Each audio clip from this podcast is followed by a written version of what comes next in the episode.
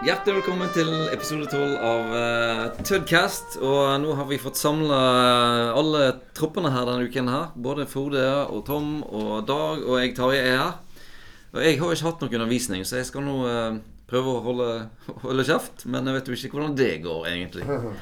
Um, jeg vet ikke, Tom. Du har jo hatt et svært arrangement nå uh, i tre dager. Fest, etikkfest tre dager til endes på, på Kronstad. Har du lyst til å starte og oppsummere ja, litt, eh, litt, på det? Eh, tusen takk. Altså, det har jo vært en fest. Og um, selv om vi foreløpig fortsatt kaller det Etikkdagene på sjette år på rad, så er jo det i realiteten dager for etikk, samfunnsansvar og bærekraft. Mm. Og denne gangen har vi kjørt over tre dager. Og vi har da konsentrert oss om FN sine 17 bærekraftsmål, men med vekt på klima mm. og anstendig altså arbeid og den type ting. Eh, eh, sånn at vi har liksom hatt trusselbilder i kapital, digitalisering og robotisering. Eh, I tillegg til, til klima. Og det har vært godt besøk. Bortsett fra i dag, når du mm. taler, Tarjei. Det var ikke din skyld da. Men uh, da forsvant Kan du hende? da forsvant uh, av en eller annen grunn noen av ingeniørstudentene. Men, ja. men, det har vært uh, veldig bra frammøte, og det har vært utrolig gode innlegg. Også. Mm. Så jeg må si jeg er kjempegodt fornøyd. Det har vært variert, og folk har fått ja, Det tar for langt å gå gjennom alt, men det har vært både f.eks. Konkurransetilsynet har vært der og snakket om det reguleringer som skal sikre eh, rettferdige konkurransevilkår ikke sant, rundt mm. omkring. Eh, hun Sigrid Klebe Jacobsen har snakket om eh, eh, skattemoral og skatteparadis. Og det som mange tror når jeg legger frem uh, tall fra Transparency, uh, Transparency, International, det er det at det, i Afrika de er korrupte, og det viser for så vidt de tallene. Men de korrupte pengene de sitter i Vesten. Det er der mm. de blir plassert. Nederland, Luxembourg, USA, Storbritannia, Cayman, altså disse små ja. Sånn at det er vi som har laget de ordningene som gjør at det går an å ta vekk de store pengene fra mm. land som Afrika. Men kommer kom, kom korrupsjonspengene òg fra Vesten? Ja, altså eh, både, både og. Ah, okay. Absolutt. Både mm. og. Absolutt. Både og.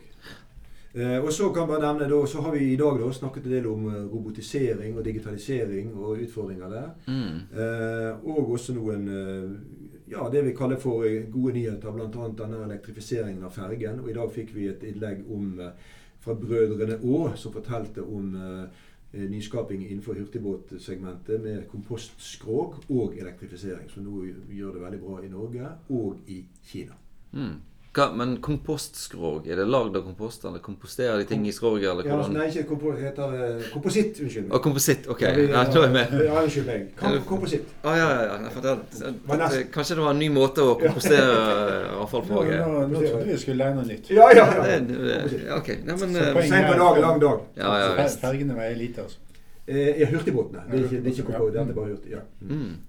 ja, men det er jo Det høres jo bare et veldig um, Bra at du tar tak og lager dette et sånt stort arrangement der på flere dager som uh, du kan få inn på flere perspektiver. Til og med, til og med mitt. Til og med ditt perspektiv. Og så vil jeg bare si det at i, for første gang så har vi også mobilisert studenter som en del av de som har jobbet frem dette her. Så det har liksom vært veldig hyggelig i år. Ja.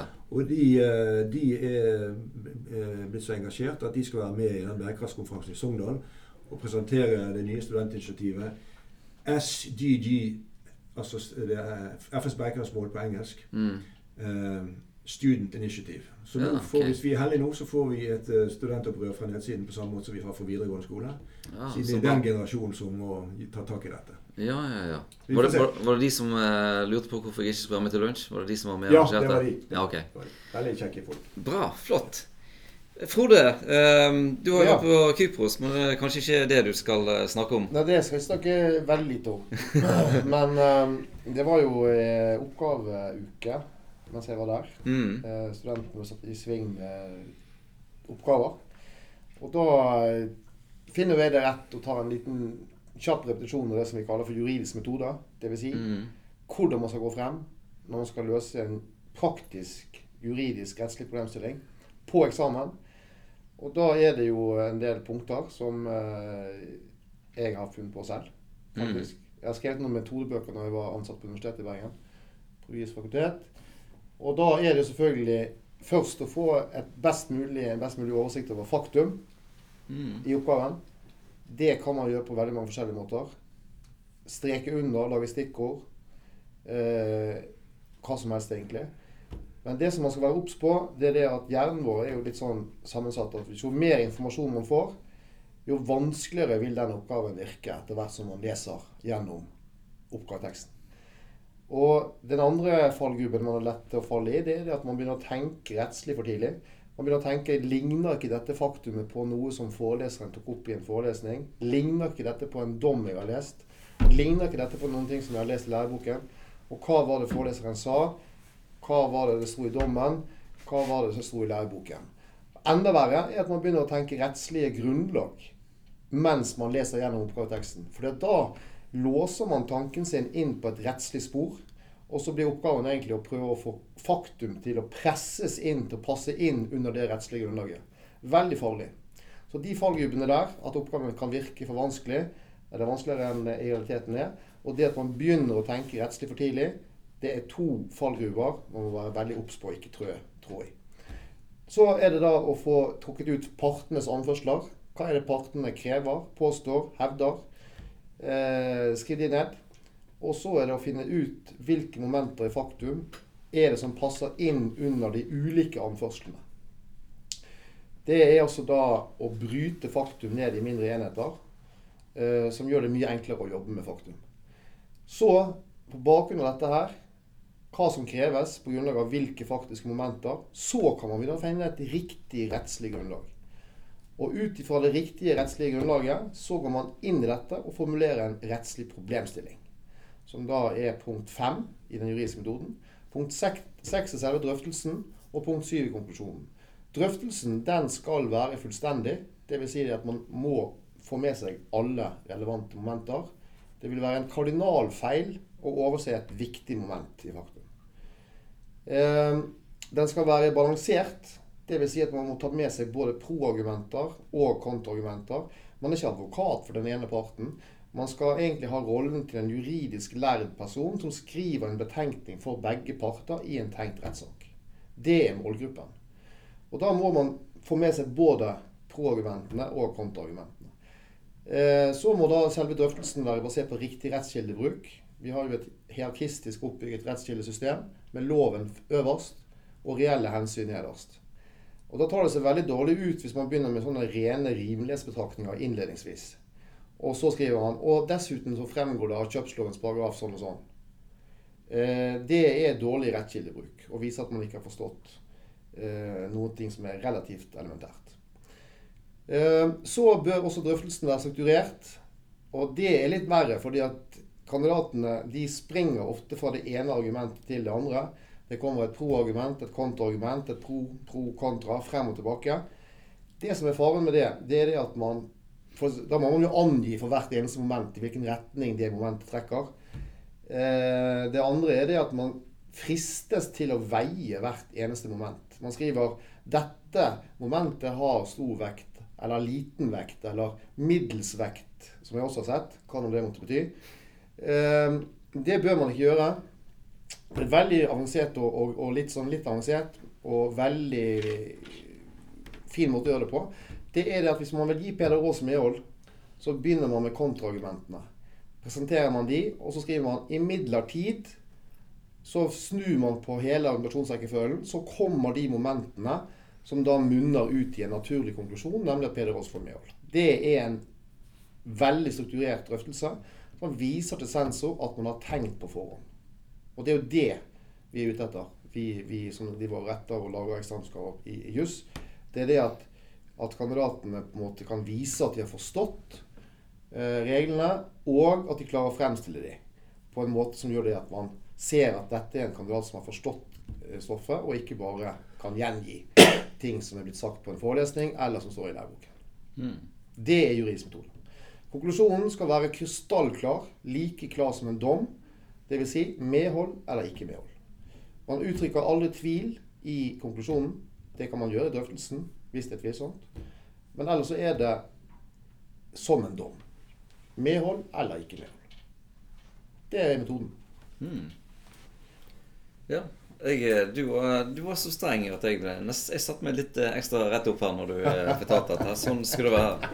Men du, jeg kom med en, en liten uh, innvending her. Og det er det at uh, vi som er utdannet på universitetet, vi har jo blitt indoktrinert med antipositivisme.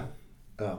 Nemlig det at uh, det, er, det at alt er helt sant, det er ikke helt sant. Nei. Nei.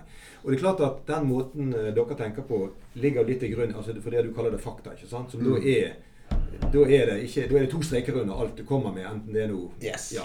Og det er klart at det er jo altså jeg, jeg, det, Dette er jo ditt fag, så jeg skal ikke undergrave det. Men poenget er at det, fra, fra mitt ståsted vil det jo være sånn at uh, det å tenke inn uh, tolkning underveis, uh, som du advarer mot, vil jeg tenke at det fins ingen som klarer å fremsi et fakta uten at du har en, en, en, en eller annen eh, ramme i hodet ditt. Ja. ja.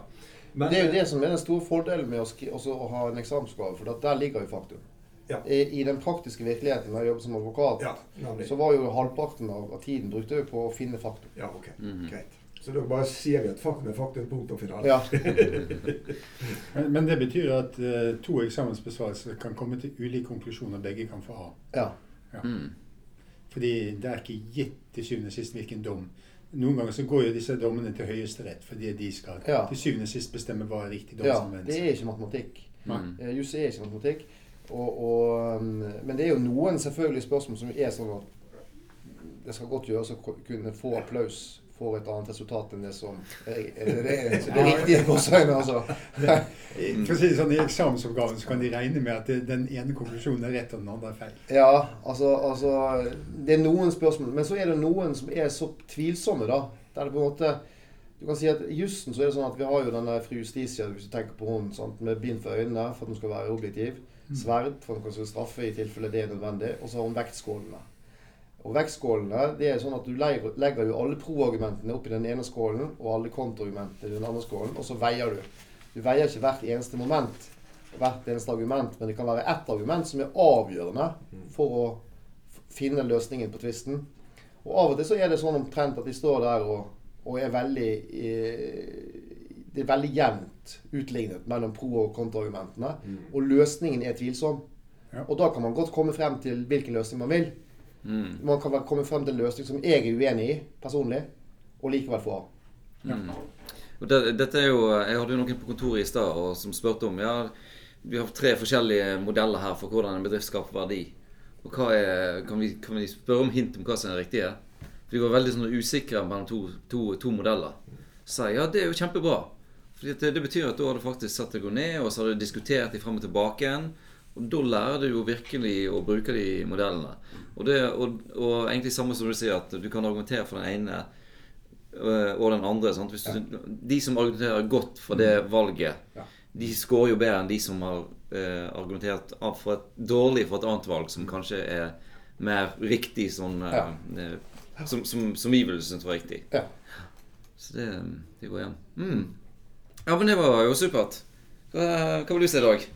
Nei, altså det, det, det, det, er jo mye matematikk vi holder på med, så det, er jo litt sånn begrenset for mye man kan ta over radioen her. Men, uh, men uh, vi har pratet litt om uh, verdsetting, og vi har kommet tilbake igjen til verdsetting. Vi har jo snakket om avkastningskrav til gjeld og avkastningskrav til egenkapital. Det er litt prinsipielt hvordan man kommer fram til dette. Hvordan det avhenger av finansiering osv. og risiko. Og så har vi da vendt tilbake igjen litt til utgangspunktet og begynt å verdsette eh, gjeld, og da først og fremst obligasjoner og obligasjonslån, og sett litt på det.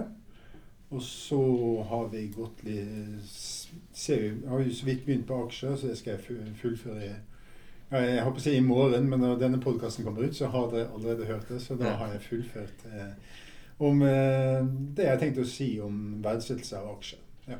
ja. Mm. Men da er det verdsettelse av i, I hvilken kontekst er det verdsetting av aksjene? Er det ved oppkjøp, eller er det ved aske, ja, aksjehandel? Altså, en, en, verdsettelse er en verdsettelse. Sant? Så i prinsippet så har jo noe en verdi uavhengig av hvilken kontekst du ser på det. Altså, mm. en aksje er verdt det en aksje er verdt. Men, men, det, det, det, er markedsprisen, og hvis du ikke syns den er verdt det, så får du si den. Ja, og hvis du syns den er verdt mer, så får du kjøpe den. sant? Ja, riktig. Ja. Så, så, så, så det, er, det er markedsverdien du går, går ut ifra, da? Ja, og noe, Noe av det som jeg da prater om i den siste forelesningen, her, er jo litt eh, det som vi kaller for markedseffisiens. Sant? Vi skal prate litt om hvorvidt markedet faktisk har rett, og under hvilke forutsetninger markedet har rett, og mm. ja, om vi kan tro at uh, om, vi, om, vi, tør å tro at vi er bedre enn markedet. Mm. Ja, så det, det, er jo en sånn, uh, litt sånn prinsipiell diskusjon. Ja. Altså, I prinsippet så skal du, hvis du sier at jeg, jeg tror at markedet har priset noe feil, og i en perfekt verden så betyr det at egentlig så har du sagt at uh, enten så er jeg flinkere enn markedet til å regne. Mm. Ok, du kan jo tro det, sant? Og, mm. Eller så sier du at uh, jeg vet noe som markedet ikke vet. Mm. Det kan jo noen ganger stemme. Mm. Det, det, er ofte det man eh, juridisk sett uh, refererer til som innsidehandling. Mm. Ja, du vet. Men uh, loven sier jo da at det har du faktisk ikke lov til å handle på. Da. Men, uh, men det, er, det, er, jo igjen en juridisk sak. hvordan beviser du det, og hva er innside, og hva er ikke innside? Og, dette, er jo, dette er jo kanskje òg en etisk sak? Det er definitivt en etisk sak mm. som handler om ja. Mm. Så, så, markedet har ikke alltid rett? Er det det du sitter her og påstår? Eh, markedet priser ut ifra det de vet. sant? Ja. Og det vil alltid være sånn at det er noen som vet mer. Mm. Hvis du sitter som daglig leder eller styreformann i et selskap, så er det all sannsynlighet for at du vet noe som markedet ikke vet. Mm. Og da sier jo loven at ja, men du har ikke lov til å handle din egen aksje. Eller i hvert fall så skal det flagges ordentlig, og din kone får ikke lov til å handle. Og dine barn får heller ikke lov til å handle. Ja. Det er lover og regler for det. Ja, ja men uh, dette var jo uh, Dette var jo bra. Vi fikk jo knytt sammen både etikken og jussen og, og um, investeringen og finansieringen og alt her.